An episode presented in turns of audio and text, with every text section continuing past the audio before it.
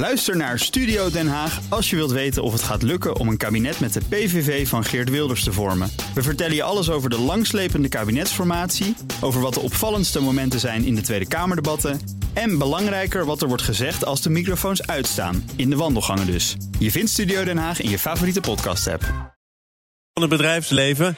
Onder andere het coronavirus dat de boardroom binnenkomt sluipen. En wat doe je als hackers jouw bedrijf binnenkomen? Losgeld betalen of niet? Om dat te bespreken zijn hier Mentje Lucraat Rovers... hoogleraar Corporate Governance aan de Tilburg University... en commissaris bij onder andere Achmea. Steven Schuit, hoogleraar Corporate Governance aan Nijro, de Business Universiteit. En mijn zakenpartner van vandaag, AG Telleman... managing partner bij Twijnstra Gudde... en voorzitter van de Sportraad in Amsterdam. Welkom, en er is iets heel bijzonders aan de hand. Het is de eerste keer dat het hele boardroom panel aan de Energy drink zit. Dus ik verwacht er wel veel van, uh, dames en heren. Uh, laten we beginnen met het uh, coronavirus. Want dat heeft natuurlijk ook zijn gevolgen voor grote bedrijven. De elektronica-producent LG wil personeel vanwege het virus niet naar een conferentie sturen. Aziatische vliegmaatschappij Qatar Airways heeft geen werk meer voor zijn personeel. En KLM werd vandaag bekend, vliegt zeker de komende vijf weken niet op China. Mijntje, wat moet je doen als je als Nederlands bedrijf geraakt wordt, op wat voor manier dan ook, door dit virus? Nou, in, in zijn algemeenheid denk ik dat je als bedrijf uh, moet nadenken um, wat je business is en waar jij je lange termijn waardecreatie vandaan haalt. En dat vind ik wel mooi om te zien bij dit soort voorbeelden. Dat je, als je kijkt naar waar haal je je waarde vandaan, is dat vaak intern en extern en is dat vaak financieel en, en sociaal. En in die vier kwadranten moet je een afweging maken tussen wat, um, wat willen we en dat zie je ook in dit soort afwegingen heel duidelijk terug. Hier is uh, een duidelijke keuze gemaakt, ook voor de interne medewerkers... om die niet naar, uh, naar China op vluchten te sturen vanwege het gevaar. En daarvoor nemen ze op de koop toe dat dat natuurlijk ook financiële negatieve consequenties heeft. Dus daar, hier zie je die afweging heel duidelijk in terug. Maar ik noem maar wat. In het uiterste geval het overlijden van een van je werknemers... dat heeft uiteindelijk natuurlijk ook financiële gevolgen. Want dan zullen mensen, neem ik aan, hun beeld over dat bedrijf gaan aanpassen. Zie je wel, ze zijn roekeloos, ze gaan er niet goed om met hun mensen. Ja, zeker. En ik denk dat ook de reputatieschade natuurlijk... als je wel willen en als je mensen die kant op stuurt... met het risico dat ze besmet raken... ook al is dat risico misschien heel klein... Uh, dat je dat niet op je geweten wil hebben. Dus dat dat die afweging uh, uh, nog makkelijker maakt eigenlijk. Ja, je moet je, je, moet je prioriteiten bijstellen. Je krijgt plotseling de vraag... Ehm, wat doe ik met deze, wat ik even noem, Black Swan... Wat is een totaal onverwacht risico wat zich manifesteert en waar je niet op voorbereiden hebt, hebt kunnen voorbereiden. En dan moet je je prioriteit gaan bijstellen. En dat is ingewikkeld, want je moet hier heel duidelijk kiezen. En dat moet zo'n boord echt uh, met zoveel woorden doen. Kiezen voor de mensen. Maar dat maakt het toch ook aanzienlijk minder ingewikkeld? Nee, dat is wel ingewikkeld, want het hele bedrijf is op gericht om productieve processen uh, te faciliteren. En uh, je moet plotseling dus een hele andere instelling kiezen. Je moet plotseling kiezen voor de mensen die exposed zijn. Uh, of kunnen zijn. En dan, dan leidt dat maar tot schade. Dan leidt dat maar tot een negatieve bottomline. Dat is dan, dat is dan mijn punt. Als je gewoon heel makkelijk in alle situaties zou kunnen zeggen... veiligheid boven alles, dan leef je daar dus naar... hoe vervelend de consequentie ook is.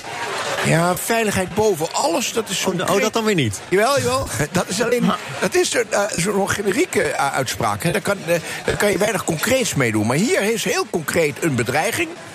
Dat is die virus. En die doet zich, manifesteert zich in bepaalde gebieden. En daar heb, moet je je mensen uit terughalen. Wat KLM doet, overigens dat is een white swan. En ik heb het over een black swan. Uh, mooi. Ja, uh, mooi. mooi. Uh, dit is een, een probleem waar je gewoon stantepeden op moet reageren. Maar ik ben het wel eens met jou, Thomas, dat het, het is niet altijd zwart-wit in de zin... ondernemen is risico nemen, dus je hebt, moet bepaalde risico's inschatten... en de gevolgen daarvan. Nou is een mensenleven is natuurlijk altijd... Um, dat, dat is een no-brainer. Um, maar we hebben ook inderdaad niks aan, aan commissarissen bijvoorbeeld... die elk risico willen uitsluiten. Dus puur risicomijdend zijn. Want dan zou je al veel eerder gezegd hebben, we stoppen ermee. Dus de afweging tussen risico, opbrengsten, gevaar uh, en prioriteit... want dat is inderdaad wat Steven zegt. Uiteindelijk gaat het om de prioriteit, de, de, de levens van je, van je medewerkers... het in gevaar brengen daarvan. En dat moet bovenaan staan. Ja, ik ben dan altijd zo benieuwd hoe worden die beslissingen genomen. Maar dat is ook een beetje mijn vak om er op die manier naar te kijken. Dan denk ik, je kunt je niet voorbereiden inhoudelijk op deze crisis. Want we wisten niet dat die zou komen. Maar je kan je natuurlijk wel voorbereiden op wat doen we als er een crisis is. Ik ben benieuwd of bedrijven, organisaties, bijvoorbeeld ook KLM, of zij heel duidelijk een structuur hebben van oké, het is nu crisis. We kunnen niet even niet met iedereen tegelijk hierover hebben. En iedereen heeft er een mening over. En je weet ook niet je kunt niet nu al zeggen of het een goede beslissing is. Dat moet toch een beetje de toekomst uitwijzen. Of hè, welk risico je neemt. Of ben je dan te voorzichtig geweest? Of heb je het juist toch heel goed ingeschat? Ja. Maar ja, ik, ik vind het een beetje een mooie vergelijking met de Tour de France deze zomer. Dat er op een gegeven moment in een hele belangrijke een van de laatste etappes iemand een beslissing moest nemen. Toen er gewoon allemaal bergen begonnen in te storten. Ja, en we toen niet dat, meer naar beneden. Het regende, je kon eigenlijk niet meer fietsen. Maar toen gebeurde er ook iets waar iedereen wat van vond. Hè? Van iedereen vond, ja, moet je, moet juist wel door. En die renners wilden door. Maar er is maar één iemand die heeft op dat moment de, de baan om een beslissing te nemen. En die nam hem ook. En dan denk ik, ja, dan is het dus een goede beslissing. Ja, ik denk dat dat ook leiderschap is. Het durven nemen van dat besluit. En je vraagt, hoe gaat dat dan bij dat soort bedrijven? Ik denk dat elk groot bedrijf heeft een crisishandboek. En dus wat gebeurt er bij wat voor crisis dan ook? Wie is dan het team? Wie rapporteert naar wie? Ehm, hoe vaak kom je bij? Dus gewoon de organisatie van het bespreken van de crisis, wat de crisis dan ook is, er staat vaak beschreven in een crisishandboek. Ja, en daar rust in houden in je communicatie, ook naar je mensen. Ja. ja je, hebt, je hebt uh, uh, mensen die zich specialiseren op crisis. Uh, ook een crisishandboek voorzien van nodige instructies. een crisismanagement is een apart vak. En een van de dingen die je bij crisismanagement altijd vindt, is dat je moet voorkomen dat je te veel doet. Je moet uh, zuinig zijn met uh, de beslissingen die je neemt. En die moeten ook raak zijn. En die moeten inderdaad komen, net als Mijntje zegt, van iemand die duidelijk de leiderspositie heeft. En het moet van tevoren vaststaan dat er maar één iemand is die uiteindelijk dan de maat slaat. Dat is lastig, want het is niet altijd de CEO van een bedrijf die op zo'n moment goed geïnformeerd is. Dat is uh, heel lastig. Dus het is, het is, ook niet altijd de CEO die uiteindelijk de beslissing neemt, of dat wel? Nou, dat hangt er vanaf. Als die CEO zelf het verstand heeft om te zeggen: dit is voor mij uh, te ver van mijn bed. Dit is een, een dochtervennootschap waar ik uh, uh, weinig begrip van heb. Dan moet hij dat, die rol duidelijk aan een ander geven, maar aan één iemand. Hè? En niet aan een board. Afgelopen week was, was er bij mij iemand te gast, uh, eigenaar van een groot bedrijf. Geen multinational, niet in de, in de vorm van, van KLM, maar die was uh, gespecialiseerd in fruit. Wel wereldwijd actief overigens. Ging naar een belangrijke fruitbeurs in Berlijn. En ook daar was de vraag, haak daarheen? Zijn er Chinezen? Zijn er mensen uit andere landen die ervoor kunnen zorgen dat de boel besmet raakt? Hij zei, ja, ik ga. En weet je waarom? Mensen maken elkaar helemaal gek. Vooral in Zweden had hij het over, nou, daar, daar, daar durven ze hun huis niet meer uit. Het is in Zweden notabene. Ik ga gewoon, kwestie van handjes was no problem. Is dat ook een manier om naar te kijken? Nou, ik ben van origine ook niet zo heel erg angstig dat dat soort dingen je overkomen. En toch heb ik ook tegen mijn kinderen gezegd... op het moment dat het in Nederland uh, zichtbaar wordt... dan komen jullie maar weer thuis wonen in plaats van in je studentenhuis blijven zitten. Dus dat, dat, dat schuift natuurlijk. Nou, maar het schuift ook omdat er verschillende berichten de ronde doen over uh, de besmettingsgraad. Over hoeveel mensen er nu werkelijk besmet zijn. Dat we de piek misschien alweer gehad hebben. He, dat is misschien ook omdat de kern van het virus in China is. Een low trust society. Wat moet je geloven, wat niet? En, en, moet je daar dan als bedrijf op kunnen handelen? Ja, het is een beetje flauw om te zeggen, maar het is natuurlijk altijd beter voorkomen dan genezen. En ik weet niet of jullie dat ook Veiligheid bovenop. Maar ik, ik, als ik de trap afloop, dan hou ik me meestal vast aan de leuning. En op dit moment hou ik me minder vast aan de leuning, omdat die leuning een potentieel een bron van besmetting is. Dus je moet gewoon verstandig zijn. Vaker je handen wassen. Uh, en ik loop nog niet met een kapje rond. Maar als uh, ik op een grote conferentie word gevraagd nu uh, rond te lopen... dan kijk ik wel om me heen wat voor mensen zijn er. Maar jij was nu ook wel vaker je handen in Nederland? Ja, Als gevolg van dit coronavirus. Absoluut. Nog meer mensen die vaker hun handen wassen? Nee, wat volgens mij nee. Ah, doe ik toch al. Maar ik geef jullie toch, toch straks wel een hand hoor. Oeh, Steven, heel goed. En maar het is natuurlijk niet raar om er een beetje over na te denken. En te denken, hey, hoe bescherm ik mezelf tegen? Maar wat je als ondernemer, ik vind als een ondernemer voor zichzelf beslist. Ik maak die afweging, ik neem dat risico wel. Dat is natuurlijk een andere keuze dan ik beslis ook voor mijn medewerkers dat zij er naartoe moeten. Dus dat wordt alweer een lastiger vraagstuk. Ja, er zijn maar, volgens mij vliegmaatschappijen die zeggen wij vliegen niet meer. Dat betekent ook dat piloten niet aan het werk gaan. En in sommige gevallen moeten die dan zelf wel verlof opnemen. Nee. Uh, ik persoonlijk vind het altijd fijn om toch nog een beetje te kijken naar. Er zijn bepaalde organisaties die uh, het een beetje ja, kunnen voor ons kunnen informeren over is het wel of niet veilig en hoe hoog is het besmettingsgevaar.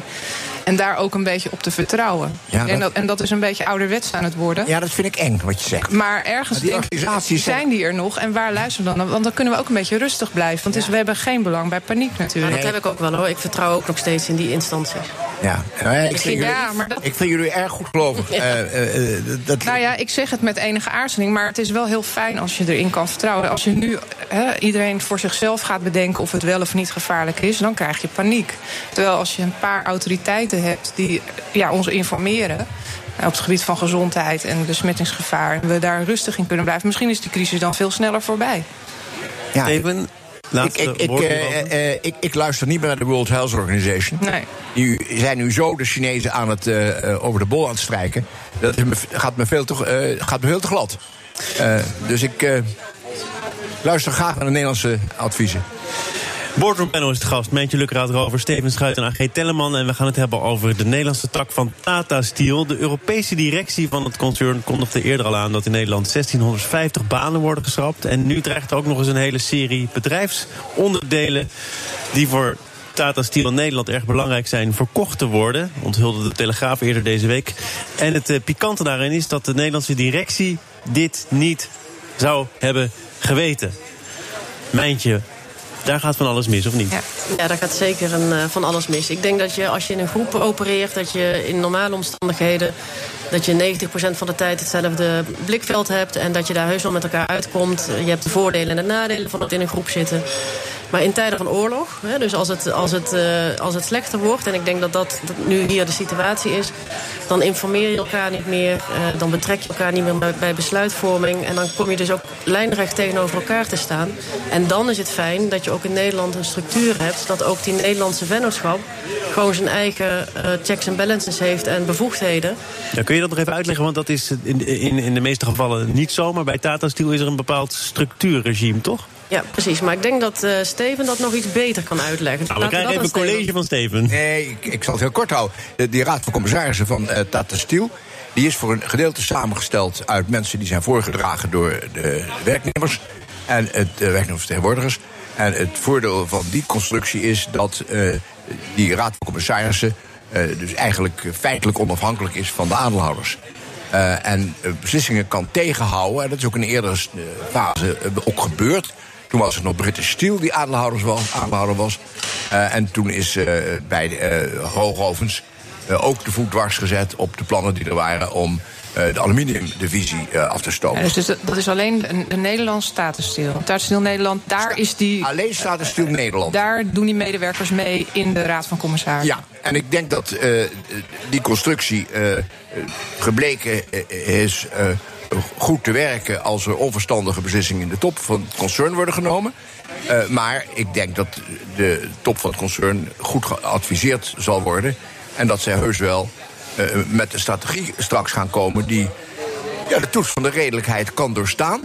Maar hoeveel is dat structuurregime nu nog waard? Want er wordt dus een openlijke machtsstrijd tussen de Europese directie en wat er in Nederland van plan uh, Ja, dat is, is, natuurlijk of die machtsstrijd werkelijk plaatsvindt, weet ja, ik niet. Ik kan alleen maar de kranten, ik kan alleen maar de kranten volgen. Maar uh, de, de uh, Europese directie, om het zo uh, maar even te noemen, zal de Nederlandse directie moeten overtuigen van uh, hun gelijk. en die Nederlandse directie zal voor drastische besluiten uh, naar haar eigen raad van commissarissen maar, maar overtuigen van gelijk. Op dit moment schijnt het dus altijd te zijn dat er verkoopbrochures uh, de ronde doen... Om, om ervoor te zorgen dat die bedrijfsonderdelen worden verkocht... zonder dat die Nederlandse directie op de hoogte is. Ja, dat is, dat is uh, reus onhandig. Het kan ook strategie zijn. Toen ik het las, dacht ik: hé, hey, is het nou echt zo dat, dat de directie het niet wist? Of is het ook de ruimte nemen om omdat ze weten dat uh, de CORE, de, de Centrale Ondernemingsraad in Nederland, heel veel invloed heeft. En ze daar eerst de handen op elkaar moeten krijgen. Maar het is niet alleen de core. Het is inderdaad ook de, de plek uiteindelijk van de Raad van Commissarissen en de directie. En we hebben één hele bekende casus in Nederland. Toen dat tijd het verplaatsen van MSD-organon uh, ja. naar Frankrijk. Dat, dat, dat, is echt tot aan de hoogste rechter uitgevochten wie het daarvoor het zeggen had. En dat was gewoon de Nederlandse Raad van Commissarissen en directie. Dus die zaak...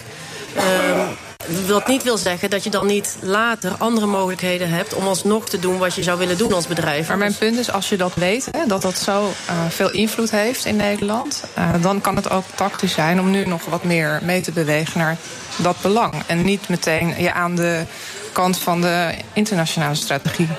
Dus de concernstrategie te plaatsen. Ja, ik, ik weet nog niet of dat gebeurt hoor. Dus dat is een beetje eh, wat ik uit de kranten lees. En dat is allemaal hearsay. Ja, jij vertrouwt de autoriteit en de kranten niet meer, hè? Nee, ik, ik, de, deze berichtgeving uh, kan heel negatief werken op hoe het proces werkelijk verloopt. Nou, dat is al zo, denk ik. Uh, want de Cor neemt nu stelling. maar het zou best eens kunnen zijn dat op termijn de plannen zo worden bijgedraaid dat de Cor uiteindelijk een positief advies moet gaan geven. En willen er niet nog ergere dingen gebeuren, dan komt de Cor zichzelf tegen. Dus je moet, je moet, eh, iedereen ja, moet even nou ja, oppassen dat, dat ze te veel naar buiten treden. Ik denk dat de, zowel de directie... Het klinkt nu, als je het leest, denk je... ze zijn niet in positie. Uh, in ieder geval niet de directie. Want zij moeten eigenlijk onderdeel zijn van de oplossing. En je kunt wel heel defensief blijven... Maar ja, dan, dan gebeurt het over je hoofd heen. Maar... Idealiter moet die Europese directie uh, de Nederlandse directie overtuigen. En uh, je overtuigt niet iemand met een pistool op de borst.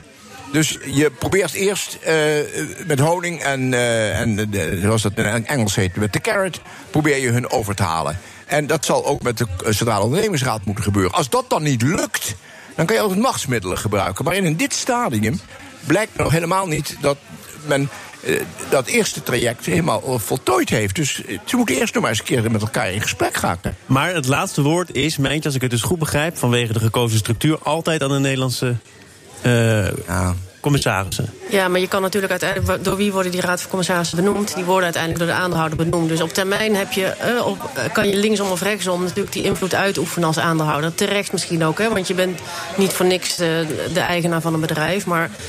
Uh, ja, het is precies. Ik denk dat het lijkt hier alsof de directie ook een beetje geschoffeerd is met, met, die, met die berichtgeving dat al op straat ligt dat het bedrijf onderdeel verkocht wordt. Waarbij de directie zelf ook zegt van ja, past het eigenlijk wel in de strategie? Is het niet een soort van paniekvoetbal? En ik denk dat, dat die conversatie uh, eerst eens plaats moet vinden. Als dat verhaal over die werkverkoopbrochures waar is, is dat op zijn minst gezegd onhandig. Ja, maar dat heb je nou twee keer gezegd, reuze onhandig. Maar die, die energy drink nou, heeft een beetje mild gestemd, of niet? Voor wie is het onhandig? Ja, het is, op die manier kom je nooit tot overeenstemming. Nee, dan ga je met de hak in het zand. Dat is echt een schoffering. Dan ga je zeggen van nou, dan gaan we ook onze bevoegdheden uitbinden. Ja. Steven, tot slot een onderwerp waar jij het graag over wilde hebben... en ik hoop de anderen overigens ook. Maar de Universiteit van Maastricht heeft gisteren toegegeven... om het zo te formuleren dat er losgeld is betaald... om uh, van Russische hackers af te komen. Nou, die inbraak, daar hebben we het een en ander over kunnen lezen... en zien en horen de afgelopen maanden. En de vraag is altijd, die dan op tafel ligt... moet je losgeld betalen, ja of nee? Hou je daarmee criminaliteit in stand? Steven, wat zou jouw voorlopige oordeel zijn over deze zaak? Ik vind het een fundamenteel andere vraag als het betreft een private onderneming die het losgeld gaat, zou moeten betalen, dan wel een door de overheid gefinancierde onderneming. Ik vind dat de overheid in deze uh, het goede voorbeeld moet geven. De overheid heeft, als je er goed over nadenkt, uh, het vermogen om ook uh, zo'n crisissituatie te doorstaan. de Universiteit Utrecht, Maastricht, hoe vervelend ook, zou best een paar dagen langer uh, deze. Uh, een maand dicht, universiteit gesloten, geen onderzoek, mensen die niet kunnen afstuderen. Heel vervelend, maar dat is de overheid. Dat is de overheid. Uh, ik vind als het een private onderneming is, dan vind ik, dan denk ik dat anders. Want dan gaat het eigenlijk om een stukje eigenbelang. En dan kan ik me best voorstellen dat iemand zegt: nou, vooruit. Het, het, mag misschien wel niet, maar ik ga dat toch losgeld betalen, want dat is de enige manier waarop ik vooruit kom. Mijntje.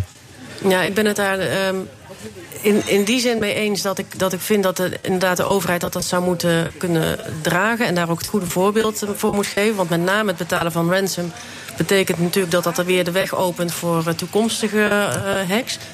Alleen wat ik hier echt anders vind, is dat het niet zozeer een financiële afweging is. Maar inderdaad, wat jij zegt, van het raakt de individuele medewerker. Je zal maar vier jaar met je proefschrift bezig zijn. En vrezen dat je het niet terugkrijgt. En natuurlijk heb je backups, kon je dan zeggen. Maar er is gewoon altijd gaat er dan werk verloren. Dus de angst dat je je interne medewerker zo raakt en schaadt. Wat echt heel anders is dan bij andere type bedrijven. Want elk ander bedrijf, dan zie je het met name de business. Maar dan raakt het niet per se het, de individuele medewerker. En dat is bij een universiteit wel echt het geval. En ik denk ook dat dat de reden is waarom een universiteit, waar het de directe medewerker raakt. en de, dus het, het gevoel van: oh, dit is vreselijk wat hier gebeurd is. ook een reden is waarom een universiteit wordt aangevallen. Omdat die af, dat zij ook wel weten dat die afweging gemaakt wordt van: het gaat niet om het geld. Het gaat gewoon om het terughalen van het werk waar zoveel mensen individueel bij betrokken zijn geweest. Ja, ja, ik, ik, ik kijk er iets anders tegenaan. Ik, ik, ik heb gemerkt in de jaren dat ik aan de universiteit werk... dat eh, eigenlijk iedereen altijd toch zijn backups heeft. Uh, en het centrale systeem van de universiteit vertrouw je toch maar nauwelijks. Oh, oh uh, dat is eigenlijk de kern van het probleem. Uh, ja, we doen het met dat, elkaar. Hè? Dat, dat heeft te maken met het feit dat het een, een, een ja, groot systeem... niks meer. Jawel, jawel, jawel. Maar ik vertrouw vooral op mijn eigen, mijn eigen laptop. Uh, en mijn, uh, Wat misschien ook wel onterecht is. Nee, want ik en, en, dat bevordert waarschijnlijk misschien wel de gevoeligheid voor hacks. Als iedereen zijn eigen ja, ik maak, systemen ik, ik en maak van, backups. Van, van belangrijke stukken maak ik een offline uh, kopie.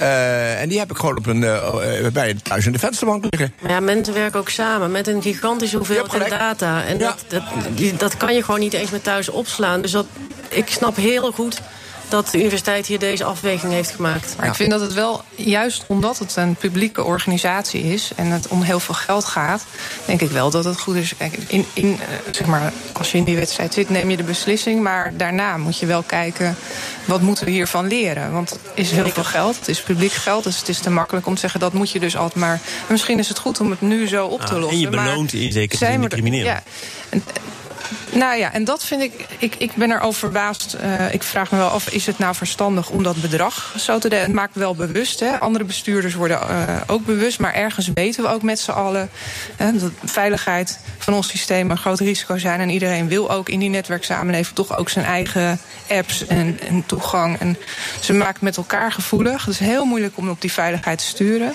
Maar dan denk ik op het moment dat je dan openlijk zegt hoeveel het gekost heeft. Dat, nou ja, dat ik vond het nog meevallen, maar misschien ben ik verpest. Ja, dat kan ook anderen, hè, dat, dat kan anderen ook weer uh, aanjagen om, uh, om. Dan maakt hacken uh, misschien wel populairder. Ik vind, ik vind wel dat nu dat betaald is, er ook een follow-up moet komen. Ja. Met de vraag die beantwoord moet worden: waarom kon dit nou bij de Universiteit Maastricht gebeuren? Want ik hoop niet dat een vergelijkbare hack kan plaatsvinden bij het ministerie van Defensie. Nou, misschien is dat wel toch een illusie dat het altijd wel ergens Ja, dat zou kunnen. En als het gebeurt, wat doe je dan? Dat ja, er zijn, twee vragen, er zijn twee vragen. Hoe ver ben je beveiligd? Je kan nooit, nooit garanderen dat je 100% beveiligd bent. Er is altijd een risico uh, wat nog in een klein hoekje ligt. Uh, Kun jij in een klein hoekje nog wat toevoegen? Nee, ik denk het niet. Ja, want we gaan hier denk ik nooit helemaal uitkomen. Nee. Um, we moeten hier aan gaan wennen. Ja. Maar daarom ook is het belangrijk dat we ervan leren. Ja, en dat is, misschien is dat nog wel, als je het hebt over de overheidsorganisatie van de publieke sector, dat ze dat dan ook moeten delen met de sector. He, daar moeten ze dan ook open over zijn. Hoe heeft dit kunnen gebeuren en hoe lossen we dit op? Precies, ja. Dank voor die laatste woorden. Mentje Lukraat Rovers, hoogleraar Corporate Governance aan de Tilburg University en commissaris bij onder andere Achmea, Steven Schuit. In het vertrouwen dat je toch nog een keertje terugkomt. Vertrouw, ik vertrouw daar wel op. Uh, hoogleraar Corporate Governance aan de Nijrode Business Universiteit. En mijn zakenpartner van vandaag, AG Telleman, managing partner bij Twijnstra Gudde en voorzitter van de Sportraad in Amsterdam. Dit was het voor vandaag vanaf het Branded Content Event in de Amsterdam. Morgen gewoon weer in de studio dan met Steven Major, de voorzitter van de Europese Waakhond Financiële Markten, ESMA. Hij heeft het afgelopen jaar dan eindelijk eens flink mogen bijten. Morgen hoor je daar meer over. Zometeen eerst tijd voor Nieuwsroom, onze dagelijkse podcast van het FD en BNR. Geniet ervan. Tot morgen. Ook Harm Edens vind je in de BNR-app. Je kunt BNR Duurzaam niet alleen live luisteren in de app, maar ook terugluisteren als podcast, zoals al onze podcasts. En naast dat de BNR-app Breaking News meldt, houden we je ook op de hoogte van het laatste zakelijke nieuws. Download nu de gratis BNR-app en blijf scherp.